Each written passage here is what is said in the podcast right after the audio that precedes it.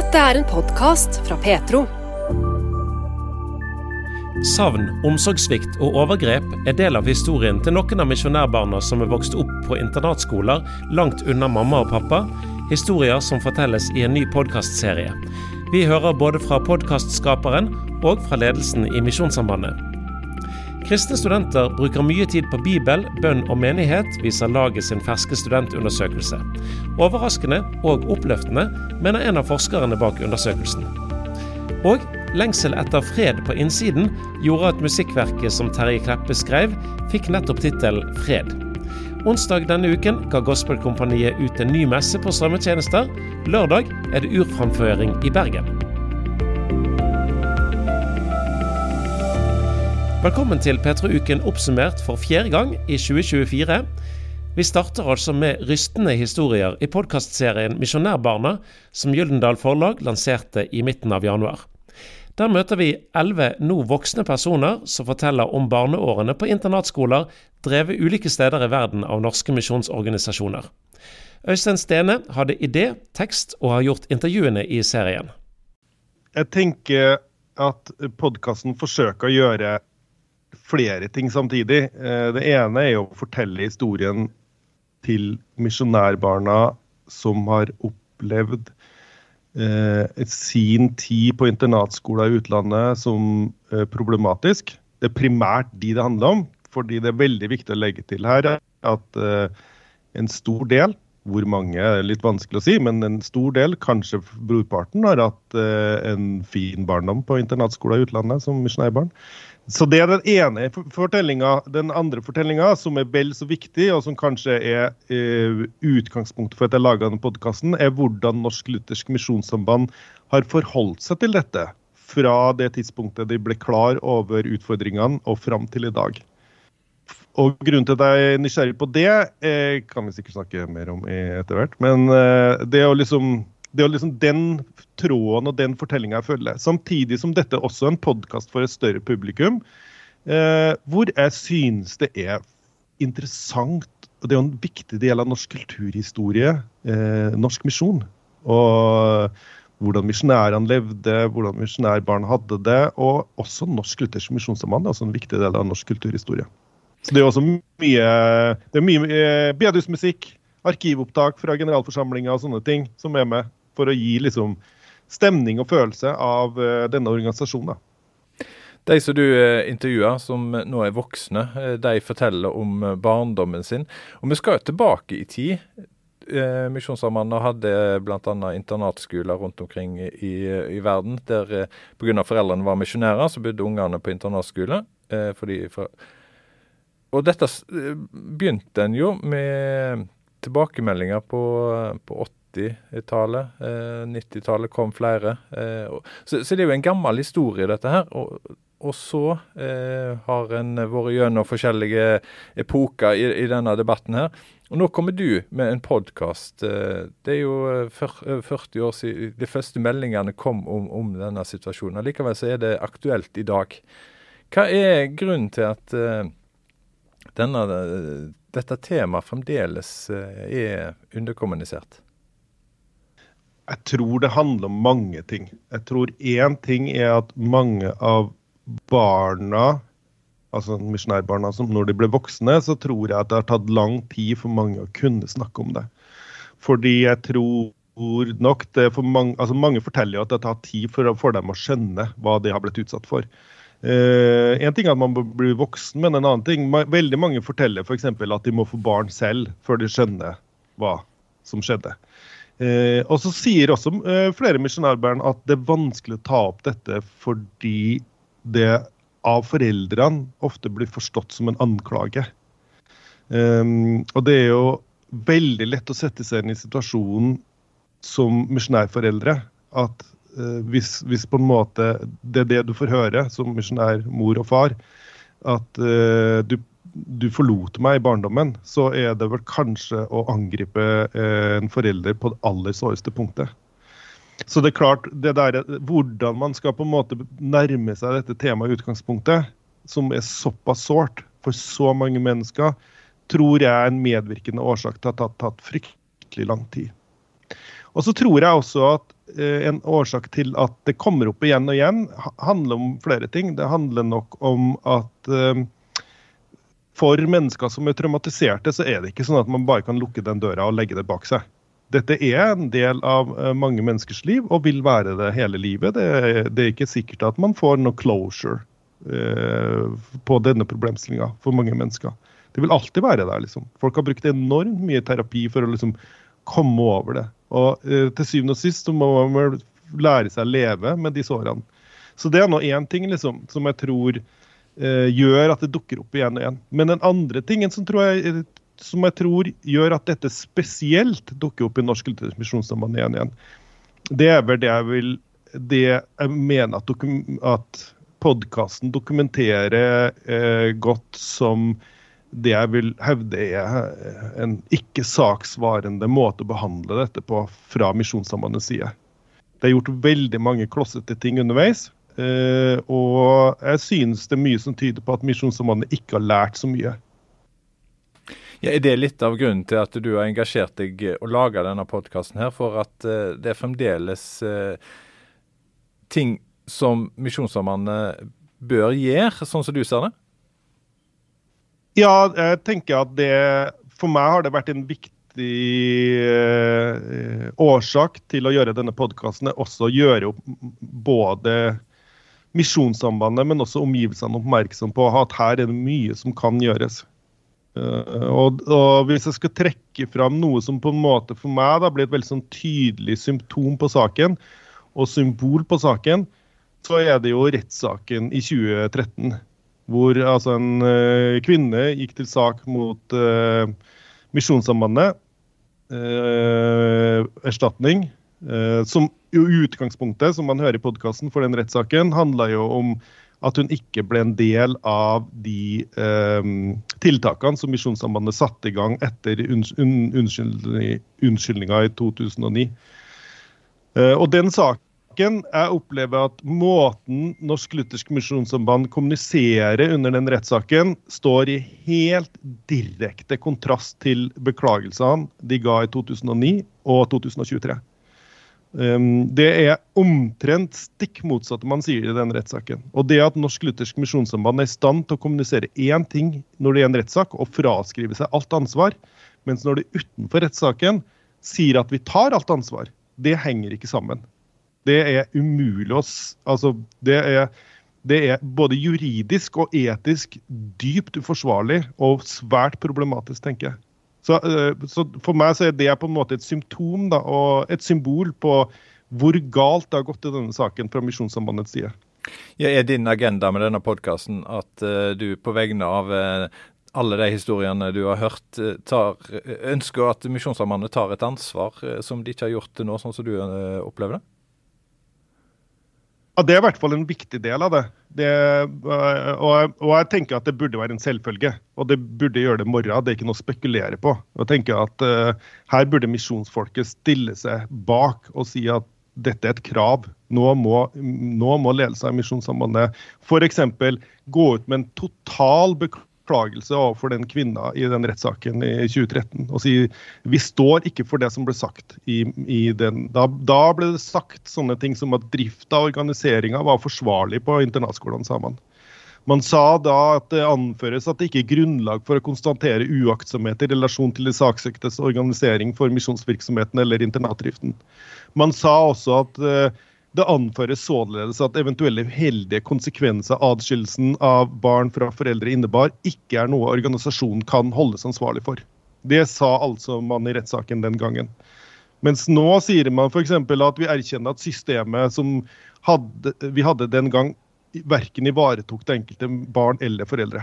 Man kritiserer altså kallsforkynnelser og sier at det skapte et press overfor foreldre om å akseptere internatordninga. Dette er stikk motsatte diametrale ting. Jeg tenker at, det, at, at, Hvordan er det mulig at en organisasjon kommuniserer så forskjellige ting i så forskjellige kontekster? Misjonssambandet beklager.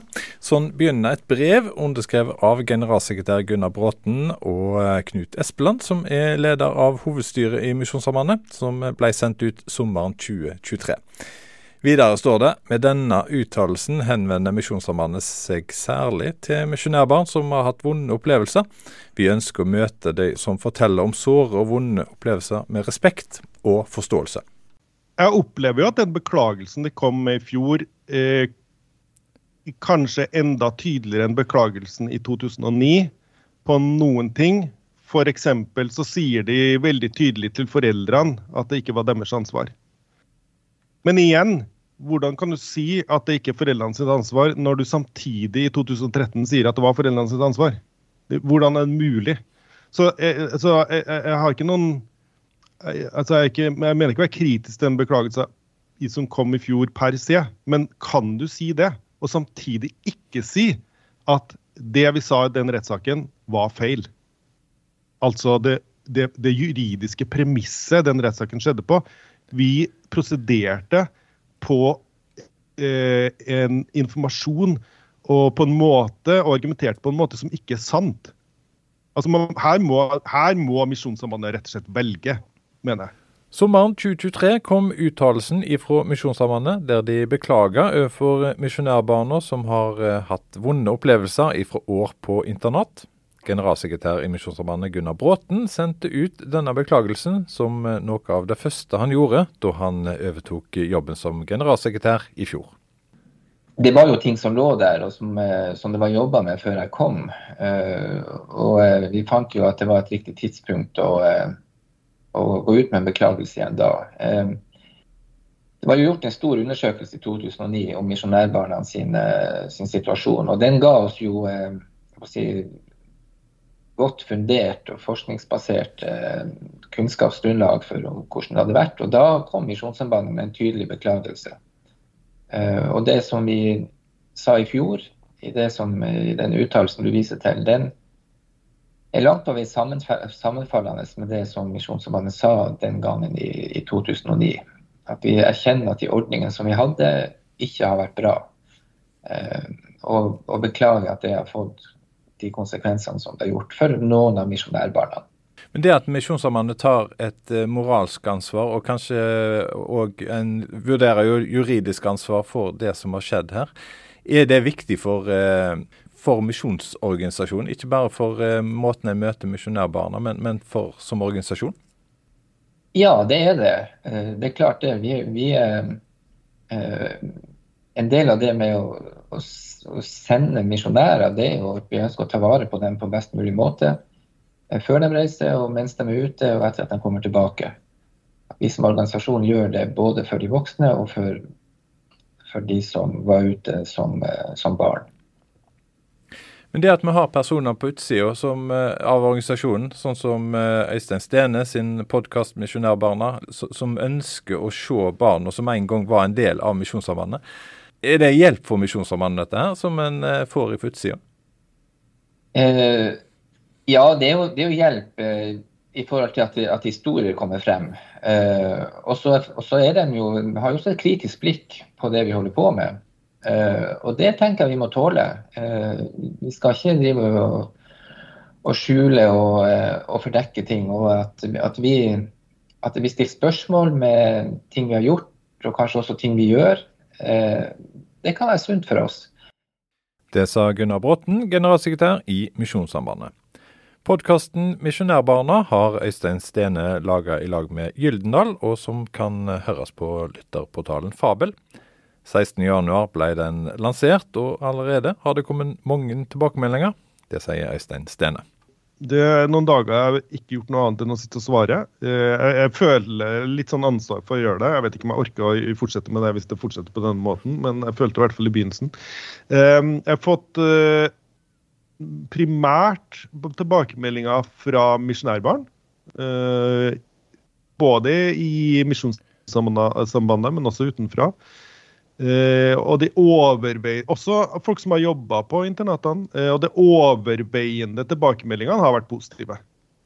Um, også fra Misjonssambandet, folk flest. Uh, men så har jeg fått også noen som har vært negative, og som synes det er problematisk måten dette skildres på. Og også naturlig nok oppleve at eh, misjonærbarna som sådan blir liksom stigmatisert som en gruppe som eh, har problemer. Og sånn er det selvfølgelig ikke. Er det flere historier som du ønsker å fortelle? Kommer det flere episoder i podkasten? Eh, altså, eh, det er mange av de som har sendt meg eh, meldinger som faktisk eh, jeg har blitt sånn supernysgjerrig på.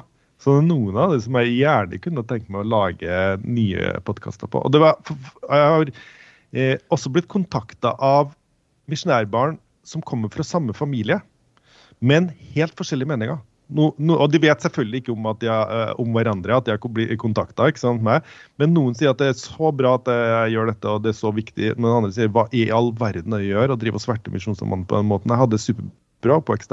Så Det er også interessant at liksom barn i den samme misjonærbarnfamilien har hatt så ulike erfaringer. Så sånne ting det hadde vært utrolig interessant å lage en, uh, i hvert fall en bonusepisode eller to. Så du skal ikke se bort fra det. Gunnar Bråten begynte som generalsekretær i Misjonssambandet sommeren 2023. Han eh, sier dette om eh, tankene sine som eh, leder av Misjonssambandet, eh, når eh, det blir laget en podkast om dette temaet.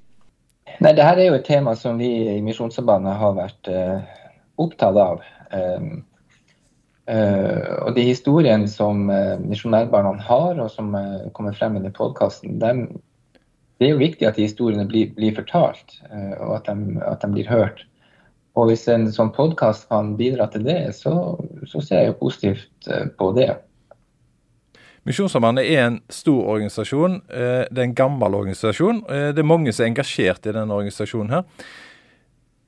Det er organisasjonen som sender ut misjonærer, har gjort det i over 100 år det ansvaret som, som, hele organisasjonen sitter med det, Nå er du leder, men, men, hele organisasjonen har jo et ansvar her eh, for eh, de som er, har, har, blitt sendt ut, både misjonærene og barna. Hvordan kan eh, misjonsvenner, som en kaller det, eh, engasjere seg i denne saka? Og bry seg om, om eh, de barna som har blitt ramma av, av, det å være på internat? Ja, Det er riktig som du sier. Er jo, vi er jo et Eh, stort misjonsfolk som, som sender misjonærer. Det er jo sånn Misjonssambandet er jo bygd ut, bygd opp. Og vi som leder organisasjonen, vi gjør det jo på vegne av, av misjonsfolket. Um, og så har vi jo gjennom historien uh, uh, si, gjort det på den måten man tenkte var den beste. Uh, når internatskolene ble starta, man starta med det på 60-tallet, så var det for at man trodde at det var en god ordning. Eh, og at det ville være bedre enn det som da fremsto som alternativer.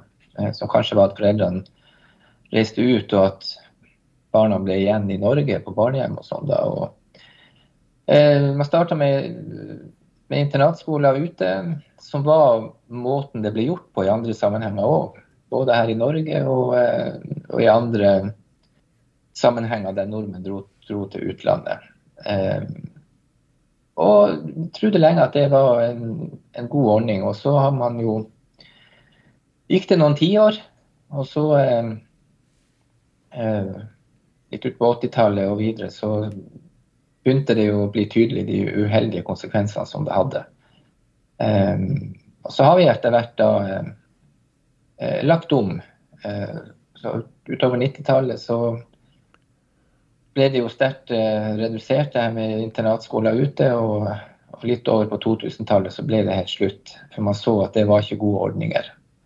Um, og, og misjonsfolket har jo fulgt med misjonærene. Bedt for dem. Og vi har prøvd å støtte opp eh, på den måten som vi trodde var den beste. Noen, eh, har vi hatt noen sånn dyre lærdommer underveis, da. Ja, for nå er det jo mange av eh, misjonærbarna som forteller at de har følt seg veldig alene. Eh, ikke bare for ledelse, men òg eh, for eh, som Altså, en har ikke blitt sett i hele organisasjonen. Hvordan kan en eh, jobbe for at eh, dette blir noe som hele organisasjonen bryr seg om? Ja, det som i hvert fall er viktig, det er at, at historien kommer frem. og, og det er jo Det får vi jo hjelp til nå da, gjennom podkast og media det som skrives, at, at, det blir fokus på de her historiene. Og at vi som organisasjon eh, må ta inn de historiene som en del av organisasjonen sin historie. Eh, Misjonærbarna var eh, en del av organisasjonen, og at deres historie er, er viktig for oss. Og så gjør vi jo nå eh, det som vi har gjort på 60-, og 70- og 80-tallet. Vi prøver å legge til rette for familiene på den måten vi tror er den beste. Eh, men i dag så tror vi ikke at den beste måten er sånn som det ble gjort eh, på 60-, 70- og 80-tallet. Før jul så, så inviterte Misjonssambandet til en samling der eh, tidligere misjonærbarn kunne komme. Nå var det ikke så mange som kom, ca. ti. Eh, nå prøver en en ny samling til våren. Og I løpet av denne tida her så har òg eh, 19.12. så ble eh, organisasjonen Sendt bort eh, organisert. Eh, det er nå 150 misjonærbarn som, som, er blitt medlemmer der. Og De ønsker samarbeid med dere. Eh, det er en felles eh, organisasjon for, eh, og et nettverk for misjonærbarn. De ønsker samarbeid med Misjonssambandet. Kan, kan, denne organisasjonen hjelpe Misjonssambandet for å si sånn, til å møte misjonærbarna på den måten som, som de ønsker? Ja, eh, jeg håper jo at det kan eh, altså de sier jo de, på nettsida si at de ønsker en konstruktiv dialog, og det, og det, ser vi frem til. Jeg håper det kan bli en, en hjelp for oss. Vi har, jo, vi har jo hatt dialog med mange misjonærbarn opp gjennom årene. Eh, og alle har jo sin historie, og det er jo et stort spekter av historier. Eh, men når det nå blir en sånn organisasjon, så, så kan man jo se for seg at det kan gjøre at dialogen blir eh, bedre, at du kanskje litt mer formalisert òg. Når det ikke bare er eh, enkeltpersoner, men noen som representerer en større bredde av, eh, av misjonærer, som jeg kanskje håper og regner med at denne organisasjonen vil gjøre. da. Og Hvis det kan bidra til at vi finner gode løsninger, så vil ingenting være bedre enn det. Nå er internatdrifta eh, avvikla, men en sender fremdeles ut barnefamilier rundt omkring i verden. Hvordan fungerer dette i dag? Eh, hvordan ivaretar en misjonærbarna med, med, den historien en har? I dag så har vi jo, har vi jo program og opplegg eh, for misjonærene, og også misjonærbarna før de reiser ut. Eh, vi har et opplegg som, kalles for før, under og etter. Der, eh, der, er, der vi har ting som blir gjennomgått før de reiser ut, og også opplegg for oppfølging mens de er ute. Og nå jo, skjer jo skolegangen ute på de plassene der som foreldrene er. Og vi har også opplegg når de kommer hjem igjen. Så er det stor forskjell på, på misjonsfeltene våre. Og det er ikke alle plasser vi sender familier til. Det sa Gunnar Bråten, generalsekretær i Misjonssambandet. Vi hørte òg podkastskaper Øystein Stene og reporter Bjørn Steinar Haugland.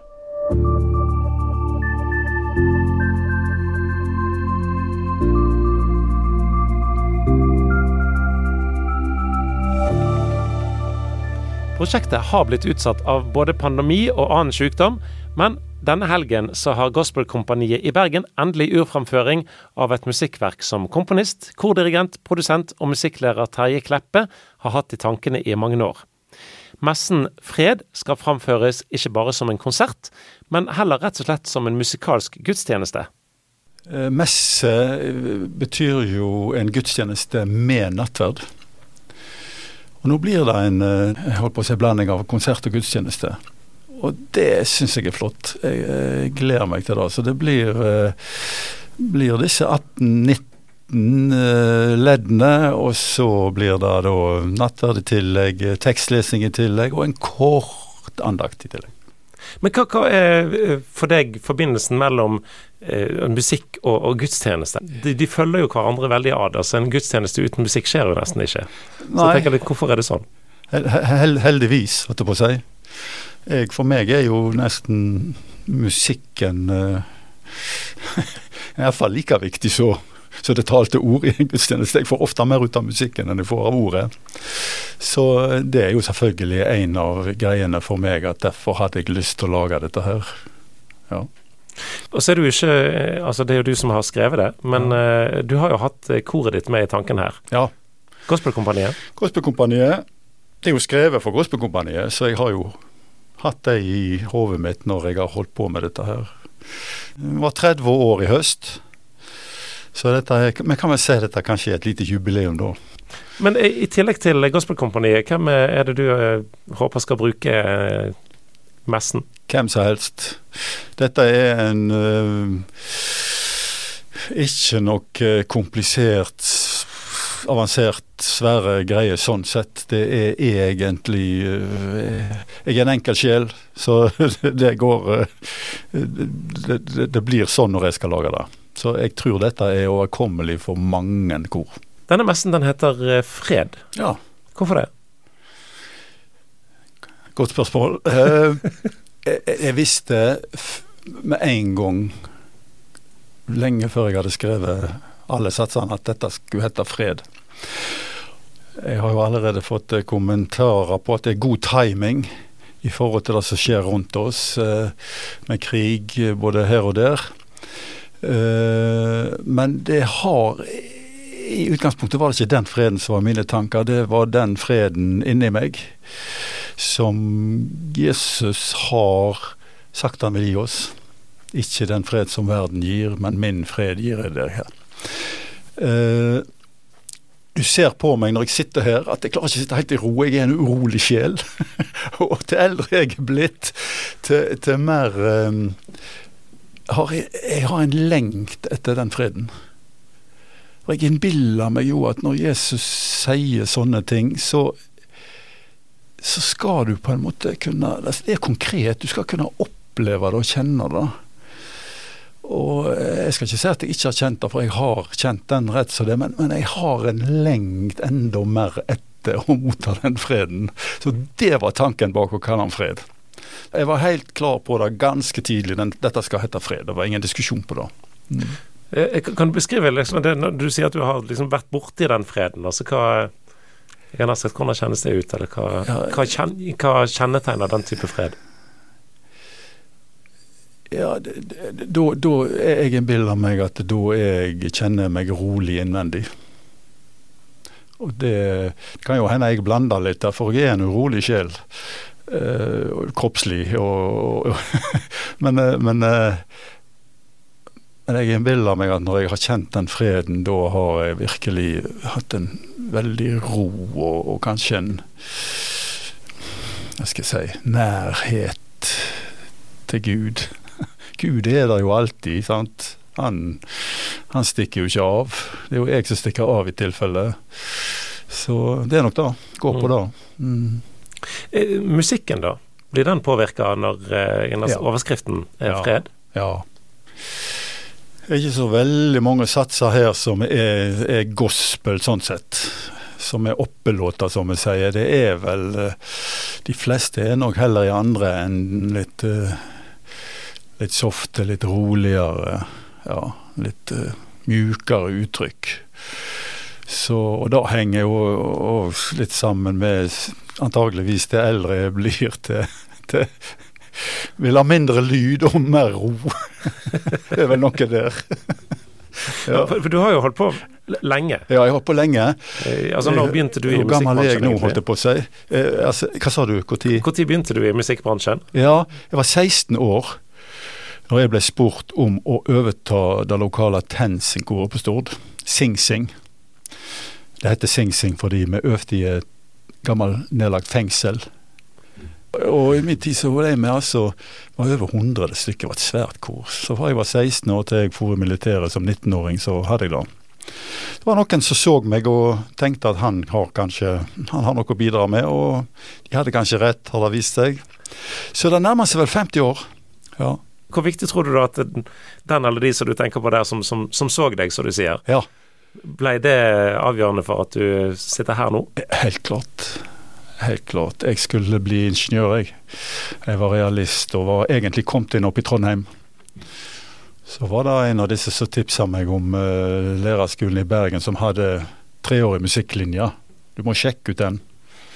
Og det gjorde jeg, og der og valgte det da. Så definitivt at noen så meg. Så eh, jeg har eh, Det kan jeg takke. Mm. Ja, eh, ja, kan du takke? Er du Ja. fornøyd med valget? Ja, ja, ja. Veldig fornøyd. Angrer ikke. Hvorfor ikke det? Hva er det, hva, hva er det på en måte med den, det livet som, som har vært godt? Nei, men få holde på med dette jeg har holdt på med, med, med musikken og kor og ungdommer i jobben min på, på Kongsøy Musikkgymnas, det er jo det er fantastisk. Jeg, det, det, jeg kunne ikke hatt bedre jobb. Gospelkompaniet det ble jo starta eh, litt senere enn en Sing Sing på, på Stord. Ja, Eh, men det er faktisk ganske mange år siden. 30 år eh, Ja. nevnte du at det var i høst. ja. Jeg hadde gått lenge og tenkt på å starte et kor der folk eh, skulle prøvesynge for å bli med. Men det var på en måte egentlig Rune Larsen som var katalysatoren, for han eh, skulle ha Carola på disse julekonsertene han hadde i Grieghallen tidligere, i 1993. Og ringte meg. 'Terje, eh, du må være kapellmester, og du må ha med deg et kor.' For Carola har akkurat spilt inn og gitt ut ei gospelplate, og da må vi ha kor med. Eh, og jeg hadde tenkt på dette lenge, og sa han du må gi meg en dag jeg må tenke. Og jeg ringte han tilbake dagen etterpå og sa OK, nå skal jeg starte kor. Og ut med annonse, og da møtte vel en jeg vet ikke, 150-160 som ville prøvesynge, og plukka ut 30 av dem. Og opptrådte med Carola på første i Grieghallen julen 1993.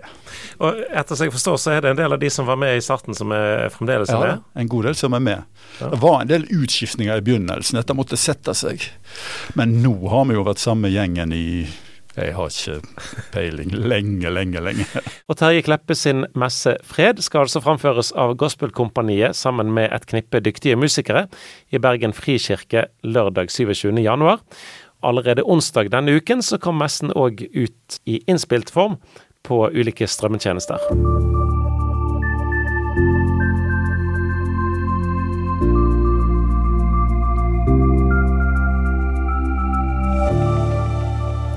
Nå skal vi tilbake til en undersøkelse som vi òg var innom i podkasten vår i forrige uke. Drøyt 1400 kristne studenter har nemlig svart på spørsmål om trosvaner og holdninger til tro i en ny undersøkelse som laget, altså NKSS, står bak. Mange av deltakerne hadde bakgrunn fra bedehuset eller pinsebevegelsen, men òg andre deler av eh, kirkespekteret i Norge er representert. Førsteamanuensis Martin Jacobsen ved Ansgar høgskole er del av en forskergruppe som har analysert svarene som studentene har gitt, og han mener at tallene er både overraskende og oppløftende. Ja, ja, jeg tror det. Altså, eh, Man kunne jo tro at de har jo De har ikke så mye tid til Bibel og bønn og Gud og sånt, for de er jo opptatt av andre ting. Jo da, de har masse tid til Bibel og Gud og bønn og kirke og sånt. Eh, I, mine øyne så er det nesten overraskende hvor, hvor dedikerte kristne disse er. Den vurderingen bygger Martin Jacobsen på at nesten 90% sier at de ber daglig eller flere ganger i uken, mens 65 leser i Bibelen daglig eller minst én gang i uken. Eh, altså Det sånn personlige andaktslivet, det er ganske sterkt. Og de bruker masse tid i kirke. Er det sånn overraskende mye tid i kirke? Eh, altså Den store, store majoriteten bruker altså fire timer eller mer. Eh, langt over halvparten bruker vel seks timer eller mer. Så det betyr at det er ikke bare gudstjeneste på søndag, her er det mer. Eh, ja, her er det mer. Eh, det er um, bibelgrupper. Og det er eh, altså forskjellige arrangementer, og det er leirer osv. Veldig høy kirkelig aktivitet. En fjerdedel av studentene som deltok i undersøkelsen, var på et arrangement nettopp i en menighetssetting da de svarte på spørsmålene. De fleste deltakerne ble imidlertid rekruttert via digitale plattformer. Kan det likevel tenkes at det å lese mye i Bibelen, eller delta mye på menighetsaktiviteter i denne settingen, oppleves som det riktige svaret å gi, sånn at tallene blir kunstig høye? Ja, ja, ja, det kan det. Altså, dette er sånn, det man kan kalle egen rapportering, at man tenker sjøl hvor mye tid bruker jeg egentlig på, på det ene og det andre. Um, så uh, disse tallene de kan være blåst opp. Uh, men de, altså, for alt vi vet, de kan også være underdrivelser. Eh, tenk f.eks. Hvor, hvor vanlig det er å tenke om seg sjøl at åh, jeg leser for lite i Bibelen. Eh, eller gjør for lite av det ene og det andre. Altså, det, det, er også veldig lett å henge seg opp i at man gjør for lite av noe, og dermed forsterke sitt eget inntrykk av at man, man leser veldig lite i Bibelen. Eh, så de reelle tallene, kanskje de er lavere, kanskje de er høyere. Og Eh, så vi har kanskje ikke fanga opp de som går veldig sjelden til kirke. Eh, det, det, kan være helt riktig. Eh, men uansett, hvis vi da har fanga mange av de som går ofte i kirke, så er det veldig interessant å se hva er det som kjennetegner de som går ofte i kirke. da? Hvordan har de blitt sånn, kan man tenke. Og Der har vi funnet et par interessante ting. F.eks. vi ser at de som gikk til kirke i oppveksten, er litt flere av de som går mye i kirka nå. Men den store tingen som gir utslag, det er om de leste i Bibelen i oppveksten. Altså de, de som hadde det som en sånn, eh, det man kan kalle en trospraksis i oppveksten, de går mye i kirke.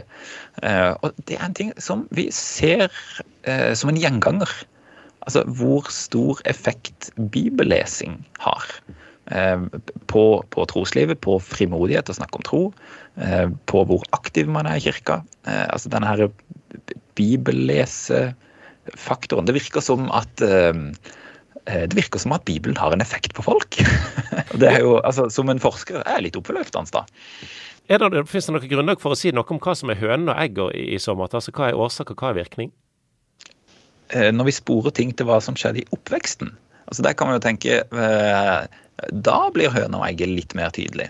At det, det, kan jo ikke være sånn at det at du går mye i kirka nå, det førte til at du leste mye i Bibelen når du var liten. Det er feil vei. At Bibelen ble brukt. Kanskje at, du, at man som barn ser at hei, foreldrene mine også bruker Bibelen og bryr seg om Bibelen. Um, det virker som det har en effekt på ting som skjer nå som student også. ja. I undersøkelsen kommer det òg fram at bare 4% av studentene som anser seg sjøl som kristne i dag, kommer fra en sekulær bakgrunn, altså en ikke-kristen bakgrunn. Eller sagt motsatt, nesten alle unge voksne som er kristne, er sjøl oppvokst i et kristent hjem. Det kan man lese mange ting ut av. Eh, en ting man kan dra ut av det, er at man kan si se hvor viktig tro i hjemmet er for videre tro eh, ut gjennom livsløpet. Eh, en annen ting man kan dra ut av det, er å si at OK, av av disse kristne det er nesten ingen som kommer fra ikke-kristne hjem. 14% sier at 'jeg har ikke alltid vært kristen'. Eh, men selv de fleste av de kommer fra hjem hvor man har gjort sånne kristne greier. Så hva sier det om kirkas evne til å nå ut til, til ikke-kristne familier? Til ikke-kristne hjem? Det virker som vi er ganske, eh, ganske svake på det, egentlig. Ehm, vi har, tror jeg da, nå spekulerer jeg litt videre, eh, at vi har veldig veldrevne kirker som gjør veldig mye bra, eh, og som liksom bygger opp mennesker til et livslang tro osv. Vi har masse bra arbeid på tro hjemme, men det er veldig mye indrekirkelige aktiviteter. da. Så vi kan kanskje lage gudstjenester og lage møter og tenke at dette er um, seeker sensitive, eller her har vi eh, møter som er på en måte åpne for alle. Uh, men det virker jo som vi når alle. Vi, vi, når de som, vi når de allerede kristne, eller vi når de som er tilknytta det kristne, eh, men som vi kanskje vekker på en, på en eller annen måte. Ja. Det, da kan det vel kanskje tenke seg eh, altså For tidligere var det vel oftere sånn at, at, folk som ikke hadde et veldig personlig engasjement for troen, likevel var innom eh, et gudshus i, i ny og ne. Det, det, skjer vel i mindre grad nå? Ja, jeg, jeg tror kanskje det gjør det. Kanskje det skjer oftere enn noen steder. Eh, altså Kanskje det, det er en sånn folkekirkestyrke. Eh, hvor eh, også folk som ikke er veldig aktive i troa, er på en måte assosiert og i, innom kirka. Det er kanskje vanskeligere å få til i eh, sånn frikirkelige sammenhenger, som, som hvor de fleste studentene som har svart her, er med. Men, men det ser altså ut fra, fra tallet da, som at kirkeaktivitet er mer intern enn den er inviterende? Ja, ja jeg, jeg tror også det. Eh, jeg tror det er et ønske om å være inviterende. Jeg tror det er et ønske om å være eh, misjonal kirke. alle de vi har undersøkt her, så er det jo altså Mange er jo misjonsbevegelser. Eh, Nordmisjon, misjonsbevegelse. Eh, NLM, IMF. ikke sant? Alt dette her er, har jo misjon i ryggraden. Men allikevel så er indremisjon vanskelig, altså. Ja, det er lett å nå de som allerede er nådd. Og det er lett å nå de som er nesten nådd. Eh, men å nå de mer eller mindre unådde, det er hardt arbeid. Veldig hardt arbeid. Eh, en ting jeg kan, kan lure på, da, er at når vi, når vi driver med kirkeplanting i Norge osv., er det sånn da at vi går først og fremst etter lavhengende frukt. Vi, vi, prøver å plante kirker der det er lettest. I bibelbeltet, f.eks. Der er det greit. Uh, all ære til kirkeplantere i bibelbeltet, men uh, av og til virker det som Jesus har veldig omsorg for disse mine minste. og De, er kanskje ikke alltid, de bor kanskje ikke alltid i bibelbeltet. Men når en så lav andel av de som er studenter nå, og som regner seg som kristne, så lav andel kommer fra ikke-kristen bakgrunn, Eh, og vi samtidig vet av tidligere forskning at eh, de fleste som blir kristne, blir det før de fyller 20 eller der omkring. Det betyr vel at, at Kirken har en utfordring her? Ja, ja, det tror jeg. Absolutt. Og det er, det er, et problem som vi må passe på hvordan vi løser. Altså, for hvis vi da tenker at folk blir kristne før 20, derfor er tro hjemme veldig viktig, og derfor er tro hjemme løsninga. Um, så så har man helt rett på den måten at ok, trohjemmet er veldig viktig for de da som kommer fra kristne hjem, men det løser ikke problemet når man tenker på ikke-kristne hjem. Eh, ikke i det hele tatt. Det her trenger man mange løsninger, tror jeg. Og Martin Jacobsen, som vi hørte her, er altså førsteamanuensis i teologi ved Ansgar høgskole, og del av forskergruppen som har analysert tallene fra laget sin studentundersøkelse 2024. Du lytter til en podkast fra Petro.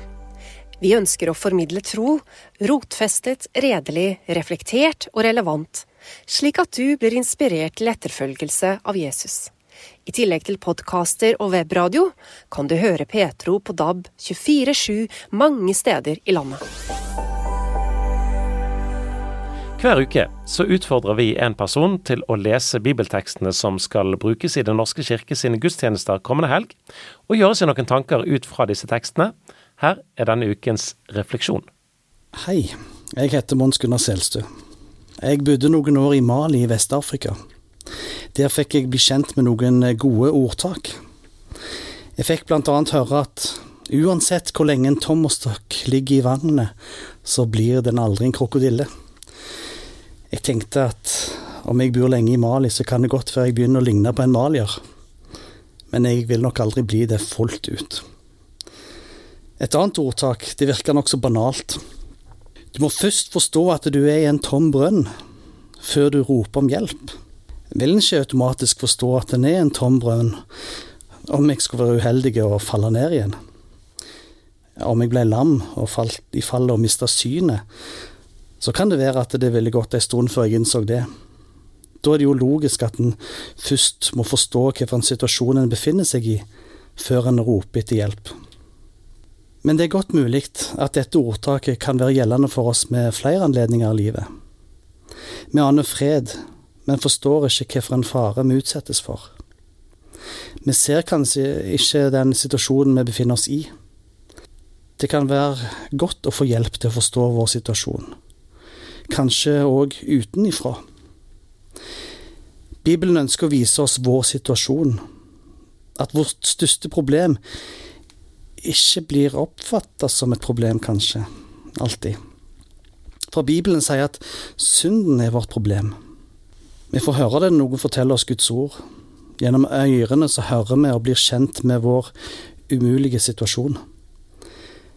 Det er først når vi oppdager hvilken situasjon vi befinner oss i, at vi forstår at vi må rope om hjelp. Bibelen sier oss noe om dette i Romerbrevet kapittel 10, versene 13 og 14, og disse versene starter med et fantastisk løfte.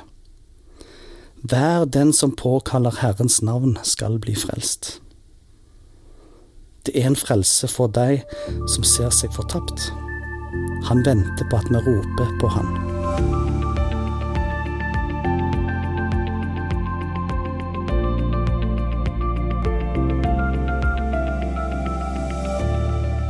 Sjøl om jeg ikke har spesielt grønne fingre, så er jeg fascinert av frøet. Denne lille resten av en død plante, som i seg sjøl òg er død, men som på en fascinerende måte bærer så utrolig mye liv i seg. Et lite maiskorn kan gi en kolbe med 600 nye korn. Er ikke det nesten en økning på 60 000 prosent? Det som òg er fascinerende med frø, er at de kan lagres så lenge. På Svalbard så har vi verdens frøbank, eller det globale frøhvelv, som det kalles. Der lagres våre kjente planters frø for framtida. Jeg har hørt at et frø kan ha vært dødt i flere tusen år. Når det så legges i ny, fuktig jord, så blir det liv igjen. Hva skaper dette livet i det døde frøet? Jeg vet ikke helt om vitenskapen har svar på det. Frø har en enorm kraft, en superkraft. Jesus deler noe av disse betraktningene når han sier i Markus kapittel 4, versene 26 til 29.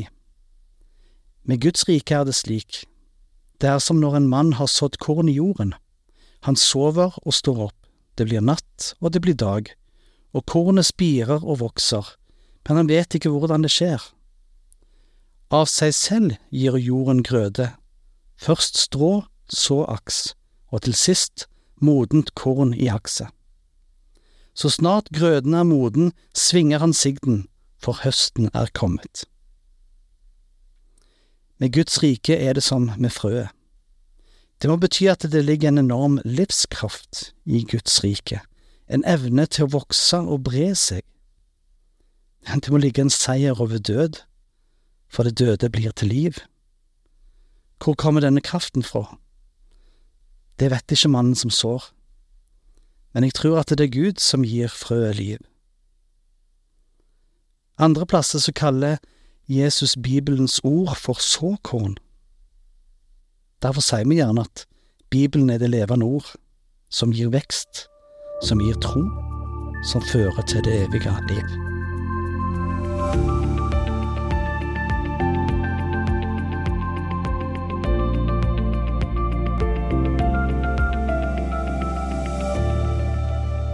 Save Our Souls. Redd våre sjeler. Dette ble et universelt nødanrop, som med morsekoden blei til SOS. Nødanropet sier faktisk ikke redd våre liv, men redd våre sjeler. Vi snakker kanskje ikke så mye om sjel lenger, men sjelen er forstått som den dypeste essensen av hvem vi er. Vi tenker gjerne at sjelen er uavhengig av legemet, og i kirka så sier vi gjerne at det legemet vi har, er et midlertidig telt. Dette legemet vil forgå, men sjelen lever evig. Trenger sjela da en redning? Og det tenker jeg. Gjennom Bibelen så lærer vi at sjelens evige tilholdssted avgjøres i dette jordelivet. Deretter venter en evighet med Gud, eller en evighet borte fra Gud. En evighet borte fra Gud virker ikke så fælt, vil vi kanskje tenke. Vi kjenner alle mennesker som bevisst velger å leve et liv uten Gud. Kanskje vi ikke forstår hva en evighet borte fra Gud egentlig innebærer. Vi skjønner fysisk lidelse og smerte.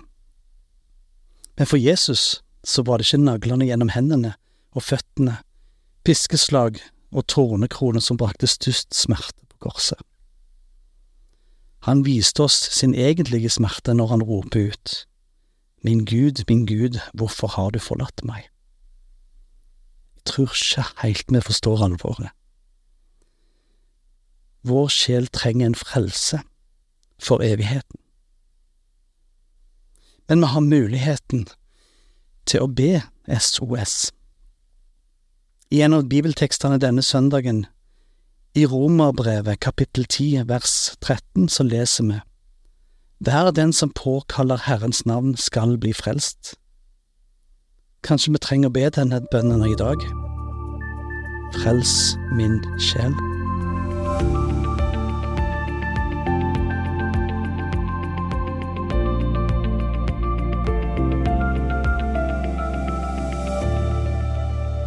I dag brenner jeg inne med noe. Hvordan er det å brenne inne med noe? Du har noe på hjertet som du har båret på ei stund. Du har tenkt og grublet over det over lang tid. Kanskje det har gått opp noen lys for deg underveis. Du kjenner på at du har oppdaga noe viktig, noe som andre må bli klar over. Denne trangen vokser seg sterkere og sterkere jo lenger du lar være å fortelle om det. Du begynner å brenne inne med noe. Det eneste som kan hjelpe, er å dele med andre det du brenner inne med. Da blir det som om ei boble som får sprekke.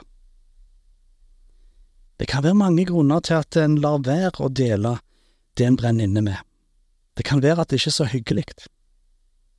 Men det kan òg skyldes at en er redd for å bli eksponert, at andre skal reagere negativt på deg som person, at en fremstår som en bestservicer eller kanskje som en idiot.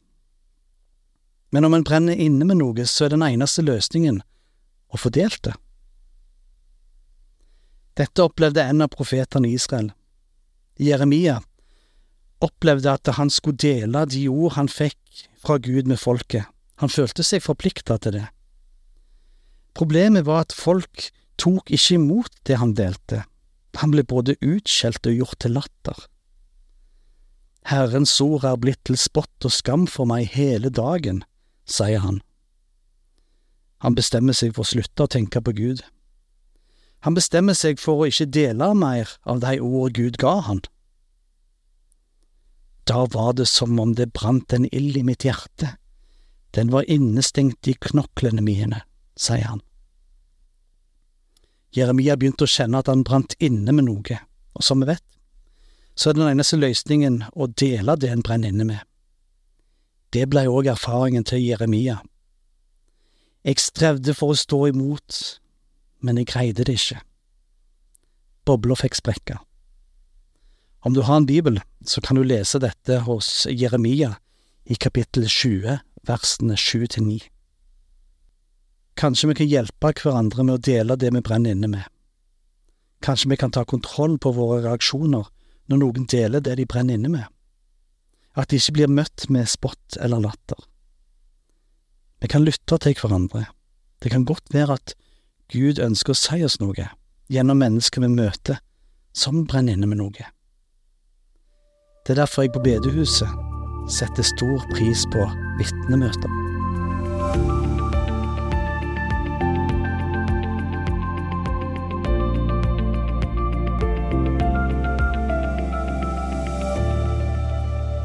Om du skulle trenge å informere en motpart i en juridisk sak om hva som står i et relevant dokument, så trenger du et hovedstevnevitne. Dette vitnet har som oppgave å forkynne dokumentene til den part som trenger å høre budskapet. Det sier politiet på sine nettsider. Forkynnelse er en juridisk forpliktelse. En er forplikta på å informere partene om innholdet i relevant dokumentasjon. Jeg trodde kanskje at forkynnelse var et begrep som ble brukt primært i kristne sammenhenger, for i menigheter snakker en mye om forkynnelse. Sånn er det ikke. Det som er litt interessant, er at den juridiske forståelsen av forkynnelse samsvarer med Bibelens forkynnende misjonsbefaling. I Romerbrevet kapittel 10 vers 13 til 17 så leser vi Hver den som påkaller Herrens navn skal bli frelst. Men hvordan kan de påkalle en de ikke tror på? Hvordan kan de tro på en de ikke har hørt om? Og hvordan kan de høre uten at noen forsyner? Og hvordan kan de forsyne hvis de ikke er utsendt? Det står jo skrevet, hvor vakre de er, føttene til dem som bringer godt budskap. Men ikke alle var lydige mot evangeliet. Jesaja sier, Herre, hvem trodde vårt budskap? Så kommer da troen av det budskapen hører, og budskapet kommer av Kristi ord. Kunnskapen om dokumentet, Bibelen, forplikter. Alle verdens mennesker har rett til å bli informert om innholdet i det bibelske budskap.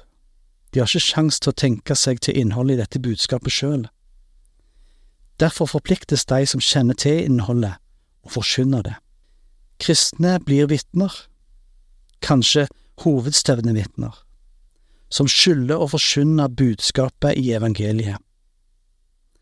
Ikke alle vil tro dette budskapet, men for den som hører og tar imot dette budskapet, vil troa bli en mulighet.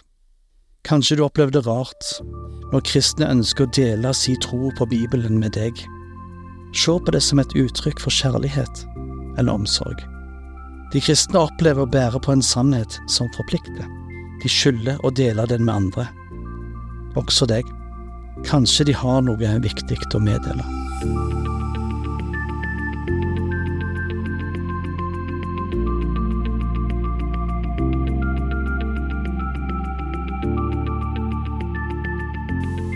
Takk til Mons Gunnar Selstø, og takk for følget i Petro-uken oppsummert denne gangen. Vi er altså ute med en ny podkast hver fredag ettermiddag. Jeg heter Bjørn Inge Sagstad. Vi høres.